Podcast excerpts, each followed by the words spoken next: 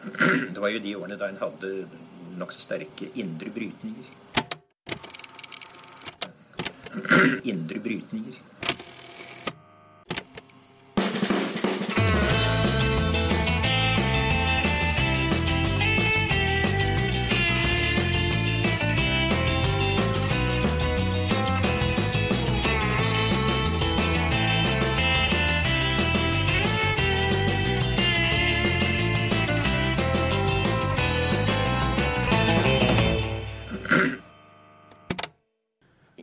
Velkommen til eh, Noen har snakket sammen. Mitt navn er Tiril Rustan Halvorsen. Og jeg heter eh, Halvor Finnes Trettvold.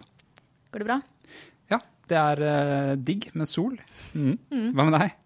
Samme, altså. Har du gjort noe gøy i det siste? Uh, nei Prøvde å følge med litt med på jordbruksoppgjøret, da. Mm, your cup of tea? Nei, men det er litt spennende. Det har vært knyttet litt spenning til akkurat dette jordbruksoppgjøret. ok, det må du forklare meg.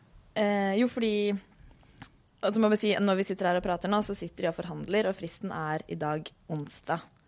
Så ting kan skje, da. Men vanligvis når man har jordbruksoppgjør, så kommer bøndene med et krav, og regjeringen med et tilbud til bøndene. Og så forhandler man. Stort sett blir man enig. Hvis man ikke blir enig, som gjerne er i valgår, så går da regjeringens første tilbud til Stortinget og blir vedtatt. Mm. Eh, Men i fjor så ble man ikke enige, det ble brudd i forhandlingene. Og istedenfor at Stortinget vedtok regjeringens første tilbud, så kom Stortinget, opposisjonen med KrF, med et nytt tilbud til bøndene. Som, var ganske, som var 100 millioner eh, mer cirka enn det regjeringen hadde tilbudt. Sånn ca. 790 millioner kroner. Det er mye penger det er snakk om her, altså. Og da, eh, men det kunne ikke Venstre være med på, fordi det ble altfor mye penger. Eh, Men Venstre syns fortsatt regjeringens var litt lite. Dette var i fjor, da regjeringen hadde flertall med bare Venstre. Mm. Så da kom Venstre med et nytt tilbud, og så ble bøndene til slutt enige med regjeringen. Eh, og bruddet med liksom kutymen og tradisjonene her var at stort, opposisjonen kom med et annet, mye høyere tilbud. Så spenningen knyttet til det her i år, fordi opposisjonen har gjennom valgkampen lovet veldig mye penger til bøndene. Og regjeringen er fortsatt i mindretall. Så hvis eh, det ble brudd, eh, hadde blitt brudd i år, og Stortinget hadde kommet med et bedre tilbud som de hadde vedtatt, så hadde på en måte premissene for en jordbruksforhandling vært borte. For da kunne bøndene alltid gått til flertall på Stortinget og fått et mye bedre tilbud. Aha. Og problemet med det er at hvis de hadde tilbudt, la oss si, to milliarder kroner I år krever de 1,8 milliarder. Så hvis opposisjonen hadde tilbudt det, så hadde det bundet opp nesten hele handlingsrommet til Erna Solbergs regjering. Og det kunne kanskje ikke Erna akseptert, og dermed gått av. Og vi hadde hatt regjeringskrise. Og det er det mange som har fryktet at skulle skje i år. Derfor, det det er, eh, derfor har på en måte regjeringen nå jeg vil si mesterlig, kanskje, utmanøvrert bøndene ved å komme med et veldig høyt tilbud. De hadde tilbudt 1 milliard kroner.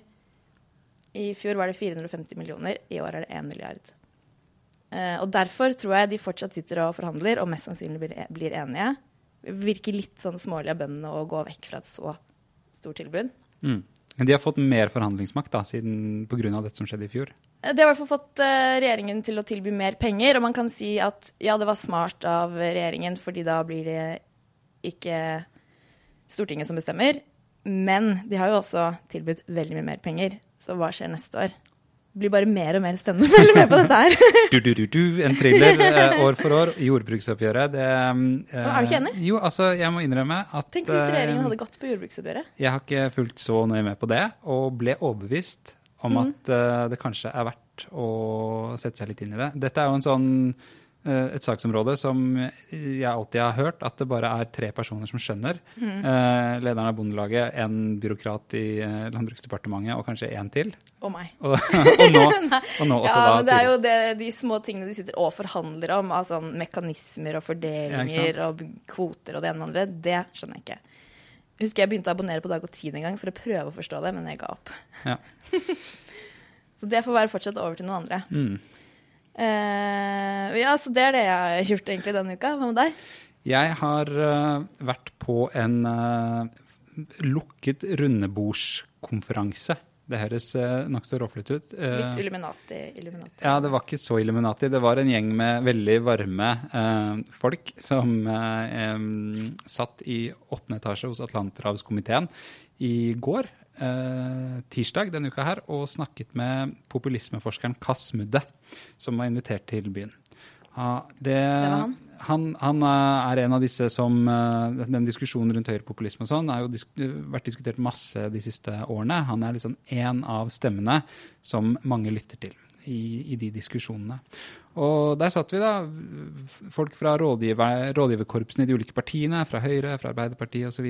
Um, folk som er journalister. Um, noen fra Eh, Cerex, dette populisme- eller ekstremismesenteret oppe på Universitetet i Oslo, som var medverter til. Eh, til um, samlingen. Og så hørte vi på han da, legge fram sitt uh, perspektiv. Det som det handlet om denne gangen, var ikke hvorfor populismen vokser, selv om det jo alltid på en måte også blir litt diskusjon om det. Men, hvorf, men, nå var det mer hvorfor de etablerte partiene sliter, som var liksom fokuspunktet for denne runden her, da.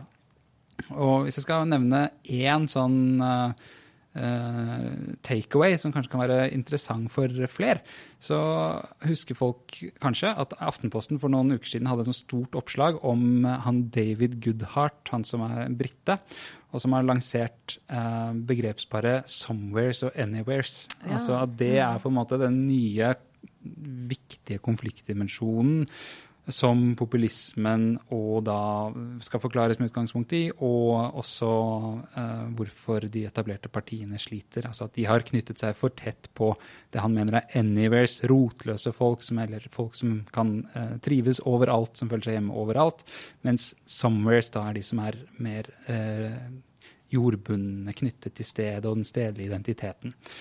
Og eh, det er sikkert litt sånn beef mellom folk som skriver om populisme. Eh, I hvert fall så var det, Og siden det har vært en greie i eh, norske medier i det siste om David Goodhart, så kan det være interessant for folk å vite at Kasmude ikke er enig.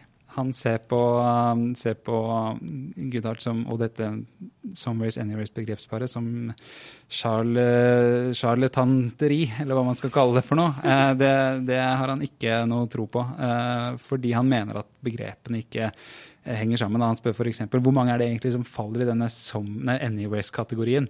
Han sier det er meg som flyr rundt og holder uh, rundebordskonferanser, og kanskje 1 av befolkningen. Det er ikke her det på en måte er konfliktlinjen er, men at det finnes en sånn annen uh, kryssende dimensjon til høyre-venstre-aksen, det uh, mener han også. Han bare vil putte litt sånn andre ord på det, da.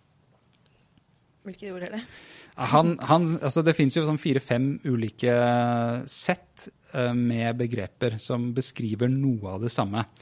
Hvorav 'Somewheres Anywheres' er det siste vi har hørt om i Norge. Men du har også noe som er veldig mye diskutert i Sverige, har vært det. Som er i den ene enden så er det grønn, alternativ, liberal. Galtann. Uh, Galtann. Og i den andre enden så er det da tradisjonalistisk, uh, autoritær og nasjonalistisk. Og så er det en eh, som jeg støtter på i uh, Tyskland, som er kosmopolitisme i den ene enden og kommunitarisme i den andre enden.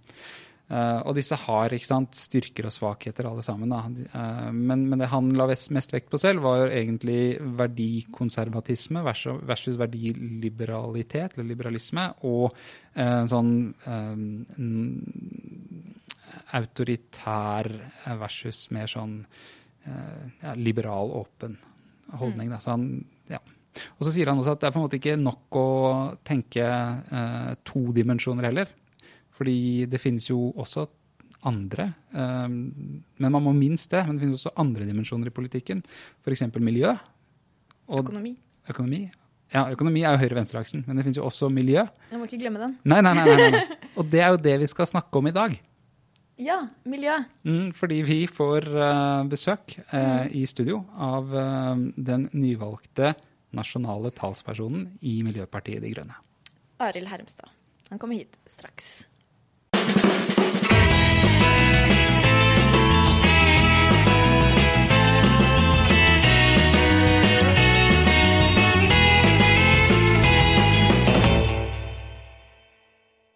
Vi har fått en eh, gjest i studio. Velkommen til oss, uh, Arild Hermstad. Tusen takk. Du er uh, akkurat blitt valgt til ny nasjonal talsperson, er det det det heter, i, i Miljøpartiet De Grønne? Det heter det, og det er lov å si leder òg, men da kan du risikere at noen sier, presiserer at det er talsperson. mm. Kan ikke vi begynne med at du sier litt om hvem du er? Ja, jeg er jo bergenser. 51. Brannfan, kanskje? For øyeblikket har jeg lever, lever høyt på å være Brann-fan akkurat nå. Ja. Det går ganske bra. Um, og så jeg eh, har vært blåruss, har jobbet i bank, har studert på Handelshøyskolen. Eh, og så hoppet jeg av fra den karrieren og ble ekstremt opptatt av solidaritet og rettferdighet. Eh, og um, Det var ikke så mye av det på NHH, eller? Jeg oppdaget jo ingenting. Det var jo grunnen til at jeg nå hoppet av og tok et hovedfag i uh, geografi. Og miljøfag, internasjonal solidaritet. Har jobbet i de siste sånn, jeg husker ikke mange år, men veldig mange år i frivillige organisasjoner. Mest i framtiden hverandre, men har vært innom Rafto-stiftelsen og Latin-Amerika-gruppene. Og sittet i styret i Utviklingsfondet og ja. Mm. Så drevet med mye sånn mobilisering av folk for å redde verden. Lenge vært grønn? Ja, jeg har vært grønn siden sånn ca. 1991 eller noe sånt. Jeg tror det skjedde på en sånn demonstrasjon i Bergen mot Rio-konferansen. I oppløpet til Rio-konferansen. Men ser du også på deg sjøl som en fyr på venstresida? Jeg tror jeg kan si at jeg har stemt litt på venstresiden opp gjennom tiden. Uh, og det er klart når jeg var med i Latin-Amerika-gruppen, så var det liksom sånn Alle der var jo på venstresiden. Men jeg, uh, har ikke Jeg føler at det har vært litt begrensende for mitt engasjement etter hvert. Så nå føler jeg meg i et sted Jeg føler meg veldig blokkuavhengig, som vi kaller det. det da. Men jeg, jeg, føler faktisk at jeg er et sted i sentrum i norsk politikk når det gjelder den røde og blå aksen. Eh, og så kan du jo Vi står jo for en veldig radikal miljøpolitikk. Men jeg syns ikke det i utgangspunktet er nødvendigvis venstresiden som har eierskapet til det. Mm. Det var bare morsomt eh, litt sånn Apropos blokkuavhengig. Denne uka så gikk jo MDG sammen med Frp, Venstre og Arbeiderpartiet dannet flertall for eggdonasjon. Og det er litt sånn eh, artig konsentrasjon på Stortinget der. Nettopp. Ja. Mm. Det er, det er, et eller annet som har skjedd med den avstemningen. Så akkurat hva de faktisk oh, ja. har gjort Så det som står i VG i, i, går kveld, det noen må spørre noen om de har stemt feil, eller om det er noen som har gått ut av det. For det ble faktisk ikke flertall i, ikke? to ganger i går.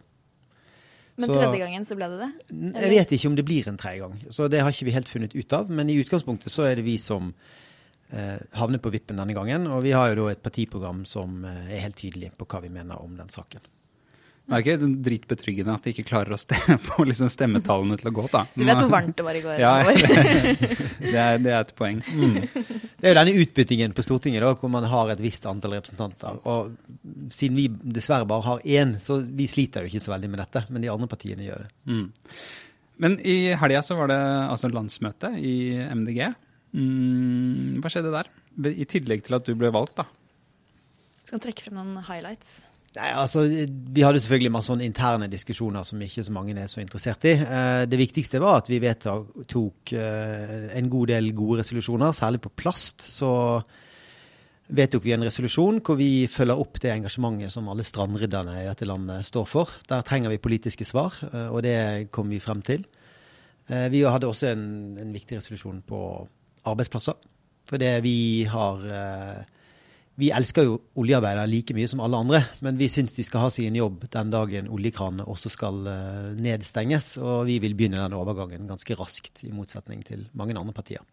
Så er det jo, det er jo altså Vi markerer selvfølgelig også at nå begynner vi å tenke lokalvalgkamp mot 2019. Og eh, et landsmøte består jo av folk fra hele landet som er veldig motiverte, og som også har sittet veldig alene i mange kommunestyrer. Mm. Vi er jo et ganske nytt parti, sånn at det er mange som har mange erfaringer å dele på et sånt landsmøte.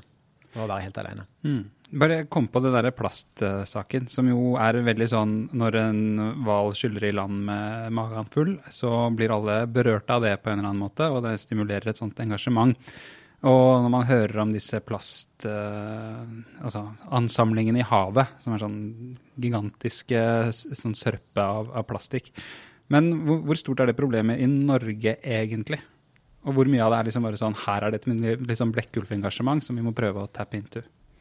altså det, det, som er problemet med, med, plast, er at vi vet, vi vet egentlig for lite om havet. Vi vet for lite om hva som skjer, hvor raskt ting skjer. Eh, og plast er én ting, men så har du varmere hav, og så har du i tillegg forsuring av havene. Og hvis disse tre tingene skjer samtidig, eh, og det gjør de jo for øyeblikket, så kan det være at vi ikke ser effekten av det i dag, men om 20 år. Eh, så jeg, jeg, mener at situasjonen for havene er ekstremt uh, alvorlig. Og Norge har verdens nest lengste kystlinje. Uh, og det betyr at uh, vi kommer til å bli rammet vanvittig hardt hvis ikke vi får gjort noe med de. Og det, det, er klart det å plukke søppel på stranden er viktig, men under der og bak der så ligger det jo et mye, mye større problem som må adresseres. Mm. Du nevnte disse oljearbeiderne som må finne seg nye jobber. og Man kan jo se for seg eh, at eh, for I det programmet deres så står det at man skal eh, trappe ned over 15 år. Men hvis det blir vedtatt politikk, så innebærer jo det at man slutter å lete etter olje. Og det er det jo rundt den, i den, det området så er det jo veldig mange som jobber, og det var jo det som også ble rammet under finanskrisen. Og man så veldig høy arbeidsledighet i Norge. Um, så jeg vil bare lure på hvordan dere har, hva slags planer og politikk dere har for å få disse over i nye jobber før de mister jobben og må ut på det er jo der jeg tenker òg at uh, Apropos venstresiden. Sant? Der har jo vi hentet mye inspirasjon fra en del sånne høyreside-typisk uh, gründerpolitikk. Mm. Uh, og vi har en helhetlig gründerpolitikk som bl.a. går ut på å kutte arbeidsgiveravgift for yngre arbeidstakere. Uh, vi setter av mye mer penger til omstilling, og vi vil ha en mye mer tydelig og langsiktig satsing på nye arbeidsplasser. Ikke bare vindmøller til havs og sånne ting, men også på tjenesteproduksjon, på mer lokalbasert økonomi, eh, og også tilknytning til altså rett og slett til hav og natur og skog og bio. Eh, og, men det er jo samtidig ikke vår oppgave på en måte å sysselsette alle disse menneskene, som kanskje ville vært en sånn typisk venstresidetenkning. Eh, men det er ganske viktig for oss å forebygge en, en vanvittig krasj som vi kan få i oljeøkonomien. Og for bare et par år siden så mistet 50 000 jobben. Og det var fordi at oljeprisen falt litt. Nå er jo oljeprisen litt høyere, og alle jubler igjen. og nå blir det så fett. Ordrebøkene er fulle, og ja. så videre. Mm. Men for at dette skal fortsette, så er vi egentlig avhengig av at en del teknologiske fremskritt stopper litt opp. Uh, altså det blir ikke så mange elbiler som det man tror, eller solcellepaneler. Nei, det, det, er ikke nok av et eller annet i verden. I tillegg til at man er litt avhengig av at uh, det blir litt krig og mangel på olje fra områder i Midtøsten og sånn. Så det er jo en veldig usikker, det, ja. det er en veldig usikker satsing. Når du leter etter olje i dag, så tar det 10-15 år før den kommer i produksjon. Mm. Og da håper jeg og tror jeg at verden kommer til å se helt annerledes ut når det gjelder etterspørsel etter både olje og gass. Spørsmålet er vel, ikke sant, det er en solnedgangsindustri, det sier jo til og med oljefolk sjøl. Men om det er en sånn tropisk eh, solnedgang hvor det går fra dag til natt på et eh, par minutter, eller om det er liksom en, en sånn nordnorsk eh, sommerkveld hvor det bare fortsetter og fortsetter, liksom. Det er vel kanskje da spørsmålet. Ja, og det er jo ikke bare et spørsmål, for det er jo også litt hva vi gjør dette sjøl, mm. og hvor vi investerer pengene våre, og hvor alle andre investerer pengene sine. Og hvis da tilfeldigvis andre land tenker som Norge, at 155 milliarder i olje og gass hvert år er lurt å investere, så kommer denne solnedgangen til å vare så lenge at det er ikke sikkert solen står opp igjen, på en måte. Altså i verste fall. At vi, at vi lar det gå så langt at klima Ja, at vi ikke klarer å stoppe klimaendringene. Mm. Um, jeg har uh, sett litt på liksom, de sosialdemokratiske partiene som er i krise rundt omkring i Europa i det siste, som de som har hørt på denne podkasten før, har fått med seg. Uh, Og en av de sånn, små poengene som jeg har plukket med meg fra de reisene jeg har gjort der, det er at uh, i omstillingen til en mer grønn økonomi, som skjer mange steder, i Tyskland f.eks., så er det mange som ikke bare mister jobben sin i sånn petroindustri eller til og med bilindustrien i Tyskland, men også mister en del av seg sjæl og en del av liksom, identiteten sin som har vært knyttet til uh, arbeidsplassen og til en sånn yrkesstolthet. Og du nevnte liksom gründergreier, og, og det høres flott ut. Og tjenestesektoren. Eh, Men det som har skjedd, er jo at mange av de som faktisk har mistet jobben, har også opplevd et sånt slags eh, statusfall. En sånn følelse av å ha mistet sosial status fordi de har fått jobb i en del av en sektor som ikke har hatt av den samme eh, tradisjonsrike tradisjonen og liksom den samme yrkesstoltheten. Sånn at denne grønne, dette grønne skiftet har jo en del farer i seg også, for mer eh, frustrasjon, sinne og sånn der ute i samfunnet. Ja, Det er ingen tvil om at eh, på Vestlandet så vil det jo være mange steder som er, er veldig oljeavhengige. Eh, mange av byene, Haugesund, Stavanger og flere andre, har, eh, står i en sånn situasjon hvor eh, det selvfølgelig ikke bare er de direkte jobbene, men også indirekte knyttet til det. Eh, så det er ingen tvil om at dette er en utfordring, og som eh, Jeg tror Altså Forskjellen kanskje på Tyskland og sånn som det var i England, var at det gjerne var folk som hadde jobbet i generasjoner i samme yrke. Og vi har ikke en så lang oljehistorie i Norge. Og mye av det har jo skjedd egentlig Den, den største økningen skjedde jo egentlig for en fem, seks, syv, åtte, ti år siden. Og ikke egentlig så lenge bak. Og i tillegg så er den norske måten å jobbe på er jo Det, jo, det er veldig mange som jobber i oljeindustrien som har er vant til kortsiktighet, omstilling. Du er avhengig av ordrer. Eh, og det tror jeg kanskje kan gjøre omstillingen lettere i Norge. Vi har, et, eh, et, vi har jo et ganske omstillingsvennlig um, arbeidsmarked i Norge. Så, men jeg, altså, jeg, jeg ser de problemene, men jeg tror ikke løsningen er å, å, å fortsette med mer av det samme. Og jeg tror, jeg tror egentlig omstilling vil alltid svi for de som, som mister jobber. Det, det er ikke til å unngå. Og, og da må vi som samfunn ha gode ordninger for å ta vare på det og, og, og finne nye måter å bruke den kompetansen som veldig mange sitter på. da. En litt annen side av dette som dere kjenner en del på, tror jeg, er jo dette MDG-hatet. En sånn voldsom aggresjon som kommer fra mange, særlig folk som er glad i bilen sin. Og, sånn. Hva, hva, skyldes det liksom bare en sånn status, eh, identitetsgreie, eller? Altså, Jeg er jo fristet til å si at uh, vi har hatt politikere som har lovet miljøpolitikk uh, siden slutten av 80-tallet. Radikal miljøpolitikk har egentlig vært lovet av veldig mange politiske partier. Men det har jo aldri blitt noe av. Uh, og når vi da kom til makten i Oslo særlig, så begynte jo vi å virkelig dra opp den. Altså, det var jo gjort en del ting. Venstre hadde gjort brukbar miljøpolitikk, men vi dro jo til på et helt annet nivå og hadde en visjon som veldig mange reagerte på, at vi skulle stenge byen for biler.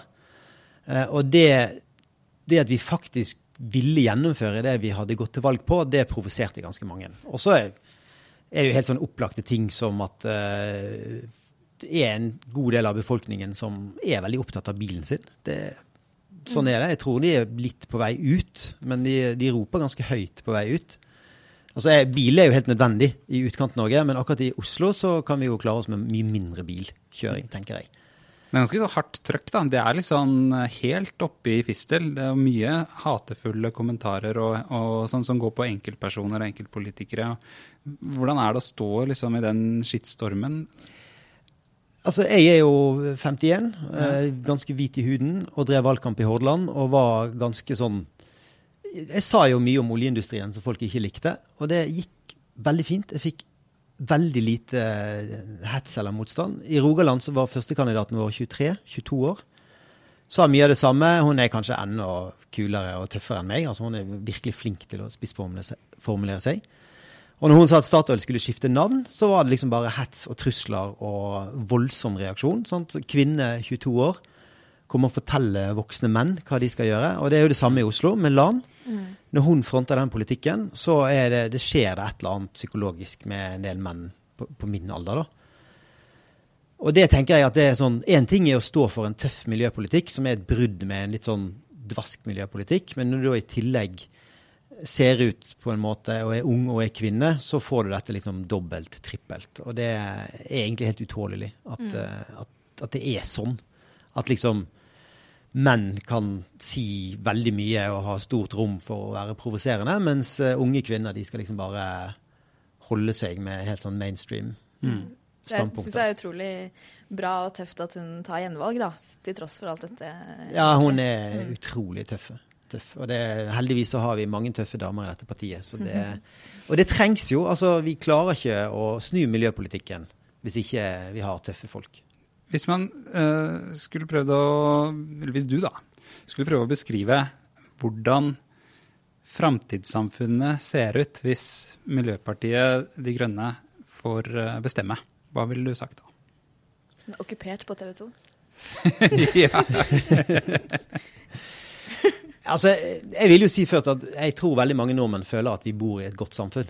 Uh, vi har veldig mye å ta vare på i det samfunnet vårt. Eh, det vi i De Grønne ønsker å gjøre, er jo i enda større grad å bygge gode nabolag der folk bor. Bygge gode nærmiljøer. Eh, og så er vi òg helt sikre på at vi må endre ganske mye for å ta vare på mye av den velferden vi har inn i fremtiden. Vi er nødt til å, å kutte ned på bilkjøring. Vi er nødt til å bruke mindre av naturen. Altså la naturen få lov å bli restaurert. Mindre eh, Enten det er flatehogst eller hva det er. Men altså vi, vi, må ha mer intakte økosystemer. Og vi må gjøre ganske radikale grep for å ta vare på havet, som er liksom en helt undervurdert del av økosystemet globalt.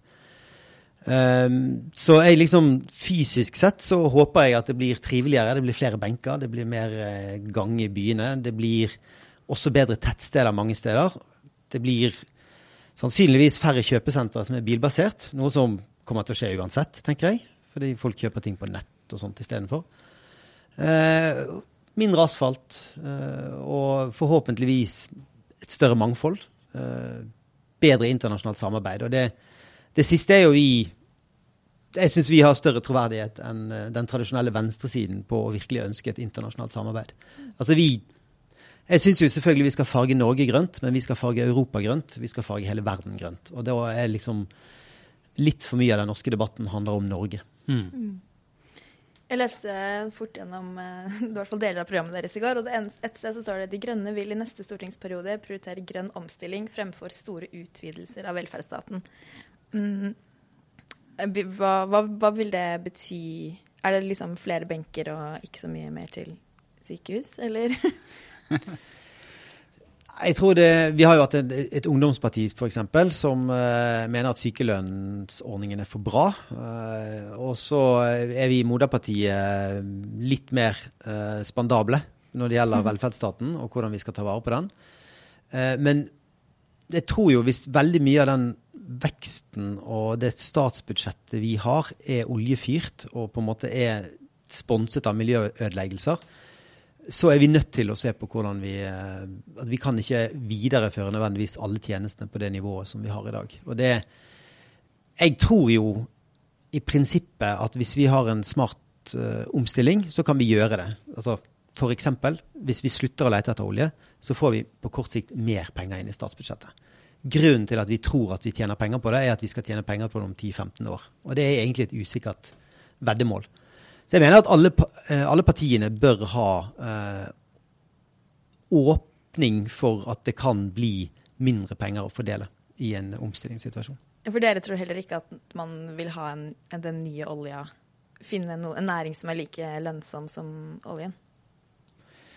Nei, det, mm, jeg tror det er vanskelig å finne. Men, men vi skal jo være obs på at uh, de siste årene så har oljeinntektene falt ganske mye. Og vi har brukt mer penger på denne refusjonsordningen.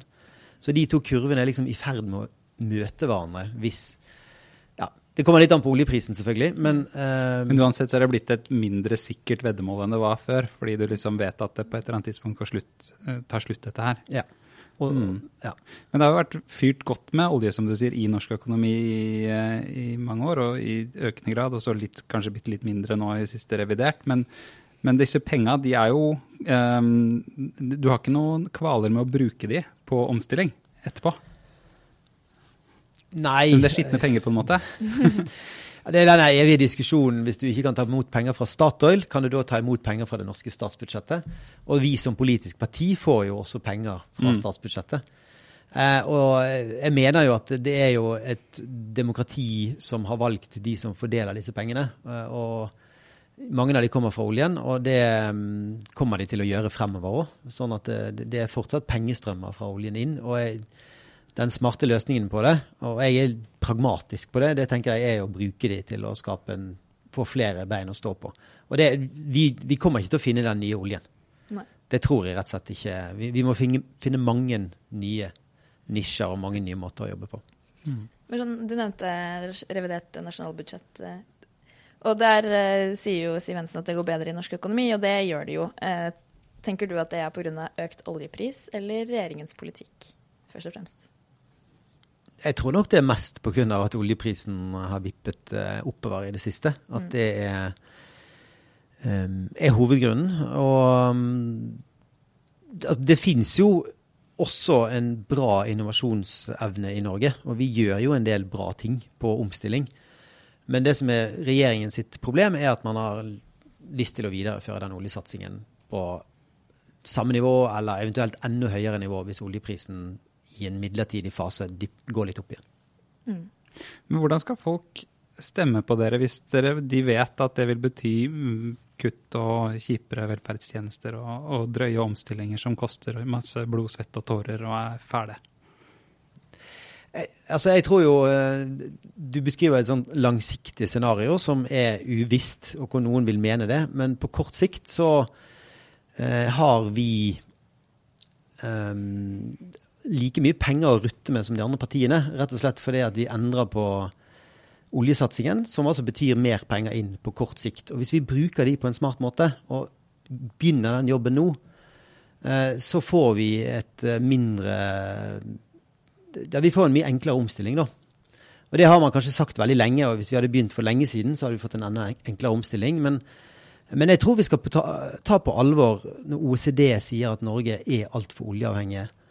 Oljefondet vurderer å selge seg ut av olje og gass uh, for at vi skal bli mindre avhengige av det. Så jeg mener jo at de andre partiene later som om dette ikke er et problem. For vi kan alltid satse på oljen, og så vil det alltid gi oss mye penger. Det mener jeg er en, ganske, det er en uansvarlig måte å tenke langsiktig på. Så politikk handler om prioriteringer, og det gjør vi, og det gjør alle de andre også. Hvordan tenker dere frem mot uh, kommunevalget? Får dere stilt uh, mange lister, uh, forresten? Vet du det nå? Vi vet ikke nå, men vi har et mål om at vi skal stille like mange flere lister som, enn det vi gjorde forrige gang.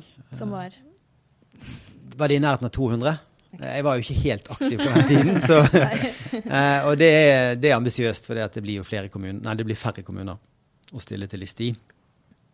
Eh, men eh, Men det er også et byparti, sant? Er det ikke det?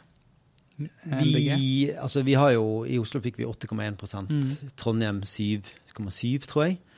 Eh, men vi har òg noen sånne strongholds ute i, i Kommune-Norge. Og vi har et eh, eh, vi har ganske mange tydelige, markante politikere i, eh, i hele landet. I, fra Finnmark og i Agder og sånt. Så, eh, og vi har en tydelig, eh, tydelige stemmer på folk som også vil ha frem at vi eh, er et bra parti for de som bor i distriktene.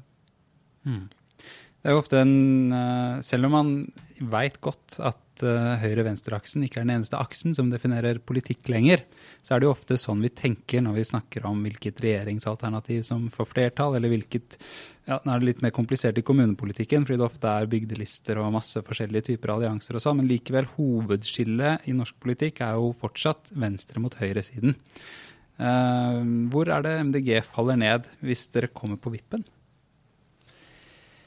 Eh, ja, du har rett, vi har ikke lykkes med å få alle de andre til å skjønne at blokktenkning er gammeldags. det, har vi, vi har nok en, eh, det tar nok litt tid før Ja. vi kommer dit. Um, altså I lokalpolitikken så faller vi ned på litt forskjellige sider. Det er tydelig at uh, altså her i Oslo, Arbeiderpartiet og SV I Trondheim har vi også denne ganske store ulne koalisjonen som vi er med i. Um, men uh, andre varianter i Drammen har vi jo støttet høyresiden nå nylig. Og um, vi er et blokkuavhengig parti eh, i Norge, fordi vi setter Det er en logisk konsekvens. Når du setter miljø først, så blir um, ikke fargen på regjeringen så viktig. Men når det er sagt, til 2021 så har vi en situasjon som eh, jeg mener hvor vi må ta en grundig diskusjon om eh, vi kan ha Vi kan ikke ha den samme posisjonen som vi hadde sist. Nei.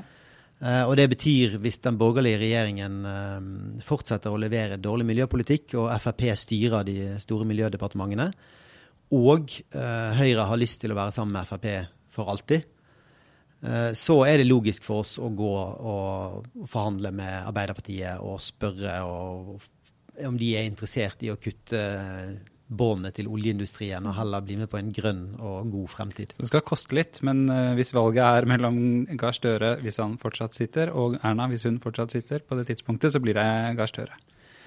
Altså jeg tror sånn åtte av ti, ni av ti ganger så tror jeg det vil være mm. svaret. Og Så må vi diskutere hva det betyr. Altså Det betyr ikke nødvendigvis at vi ønsker å gå i noen regjering, men altså hvilken type samarbeid kan vi da eventuelt inngå på forhånd. Men er dere da redde for en sånn kamp om de grønne stemmene på, på venstresiden? At på en måte MDG og SV begge kan havne under sperregrensa, f.eks., eller? Altså, jeg tenker jo Det er jo Man kan alltid tenke at det er en risiko for at sånne ting kan skje, men uh, det er jo også en oppside på andre siden som er viktig. Og jeg tror jo Altså, SV sitt prosjekt vil jo alltid være å gjøre Arbeiderpartiet litt mer rettferdig og litt mer venstresideaktig, mens vi Og litt grønnere. Og litt grønnere, selvfølgelig. Mm. Eh, og mens vi har en, eh, en annen agenda hvor vi òg Altså, jeg syns jo at Høyre, kanskje mer personlig, men Høyre har et ganske spennende sånn politikkutviklingsprosjekt som er vanskeligere å få øye på i Arbeiderpartiet. Eh, og det betyr at eh, hvis Høyre da hadde latt være å tenke at Fremskrittspartiet skulle tilføre dem masse energi og, og, optimisme og fremtidstro, eh, så hadde de hatt potensial til å liksom ville gå i grønn retning ganske fort.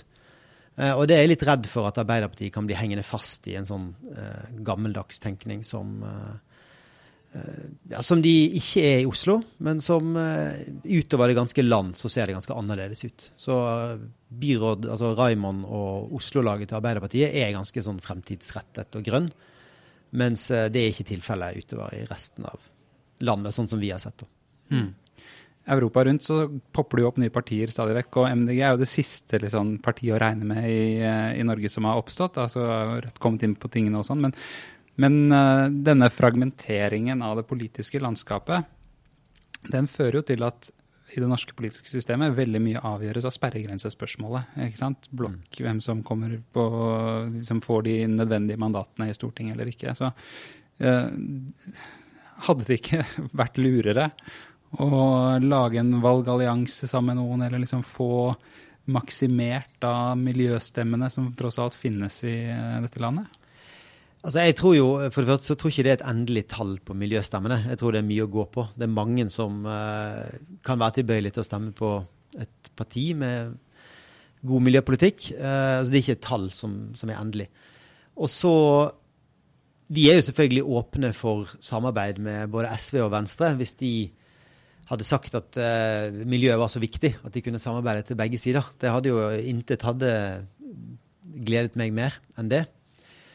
Og jeg tror at uh, kampen mot sperregrensen, det Eller det, det, var jo veldig tydelig i dette valget, hvor Venstre akkurat kom over og på en måte mm. reddet det. Og jeg uh, altså, Det politiske systemet i Norge er såpass stabilt at jeg tror vi tåler det. Jeg tror heller ikke vi kommer til å se på kort sikt noen sånne nye partier som bare seiler inn og blir kjempestore. For vi har ikke den samme misnøyen i, i Norge ennå. Men det kan jo skje i en fremtid hvis uh, oljeindustrien går på trynet. Og da kan du virkelig få, få store, store, ting som skjer i, i, norsk politikk. Så det er lurt å begynne å endre nå for å unngå den type politiske jordskjelv, hvis man ønsker å unngå det. Hva, nå har du vært eh, nasjonal talsperson i noen dager. Hva er det første du tar tak i nå? Det er jo ikke én ting, det er jo ulempen. da, Men eh, jeg, jeg, tror det viktigste for oss er å um, Mitt mandat i hovedsak handler også om å, å jobbe i hele landet og mm. få frem lokalpolitikerne våre og legge rett og slett begynne å legge planer for lokalvalget. For det er vel 479 dager igjen, eller noe sånt. Eh, og da eh, er det på tide å rulle i gang. Og Miljøpartiet har vært ganske gode i valgkamper, men vi har kanskje begynt litt seint. Så nå skal vi begynne litt tidlig denne gangen. Da får du ha lykke til med det. Tusen takk for at du kom hit. Tusen takk for meg.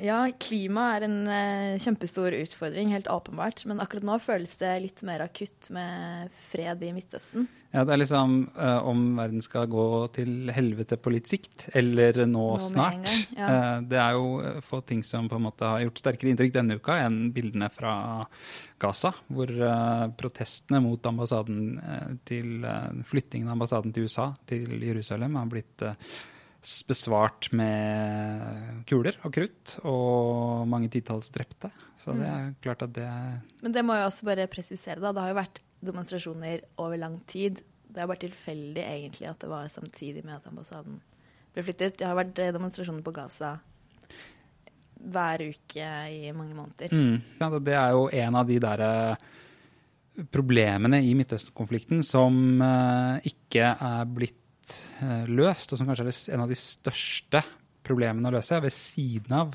um, statusen til Jerusalem, er hva skal skje med alle de millionene av palestinere som bor i flyktningleirer, som ser ut som, som byer fordi de har vært her så lenge, uh, men hvor de ikke har uh, bra offentlige tjenester, uh, sanitærforhold alle de tingene som man også skal trenger. Da. Så det er, ja. Og dette får vi da ikke greie på i, av NRK denne uka, fordi, eh, fordi der streiker de. Jeg kommer rett hit fra 16. mai-feiring i eh, NRK-barnehagen, der poden fortsatt eh, går. Og da var det streikevakter utenfor som eh, hilste dette lille barnehagetoget uh, som gikk forbi hovedinngangen av NRK. Men Får journalistene lov å komme på 16. mai-feiring, da? Eller er det Ja, ja, det får de. uh, Men det er jo NRK Barnehagen som ikke er liksom NRK NRK. Det er skjønner. ved siden av. Eh, Så der, det var jo mange foreldre der som da hadde bedre tid enn vanlig, for å si det sånn. Til å være med ungene sine. det, det vil jeg tro. Mm. Endte opp med å se på TV 2-nyhetene i går, og da sa Arild Riise på slutten 'tusen takk for at du så på TV 2'. og da tenkte jeg sånn hm, Ja, jeg hadde egentlig ikke noe valg i dag. Mm, men det, den eh, mest eh, eh, Det som er liksom blitt mest omtalt da, i diskusjonen rundt denne streiken, er jo Senterpartiet. Ja. som gikk ut og sa at de syntes at det var så viktig med mm, 17. mai-feiring på NRK og denne lange direktesendingen for nasjonens ve og vel at eh, streiken måtte ta en pause, i hvert fall, for å tillate det. da. Den måtte ikke bli rammet, liksom. Det, det sendes faktisk 17. mai på TV 2 også, så det går an å se på den, mm. alle i Senterpartiet. Mm. Men eh, ja, da vi nærmer oss slutten. Har du noe å selge på tampen? Uh, ja, jeg tenker jo på mine tidligere kolleger der oppe i NRK, men eh, jeg tenker også eh, at eh, det i, kan være en anledning til å oppdage nye ting å høre på. Sånn at jeg hadde tenkt at i dag så skulle jeg rett og slett anbefale formatet podkast. Som det lages Wow. masse av, hvorav vi er én. Så det er en uh, uh, It's a jungle out there, men også veldig masse bra ting å finne. Så ta og sjekk ut det.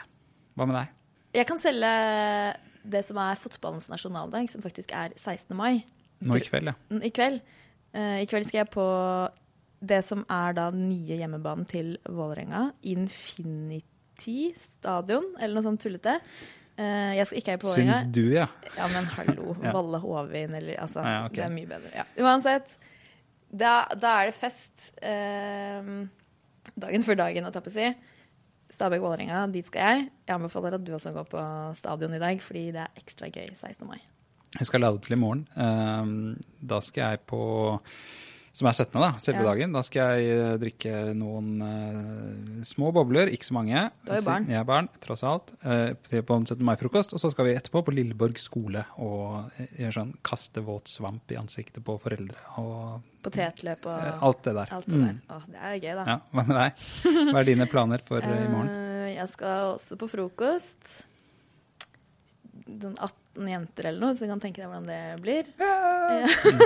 Heldigvis så var det fotball du Ja. Ja, ikke sant? Mm. Og så blir de ut og kjenne på livet i byen på den ene eller andre måten. Mm.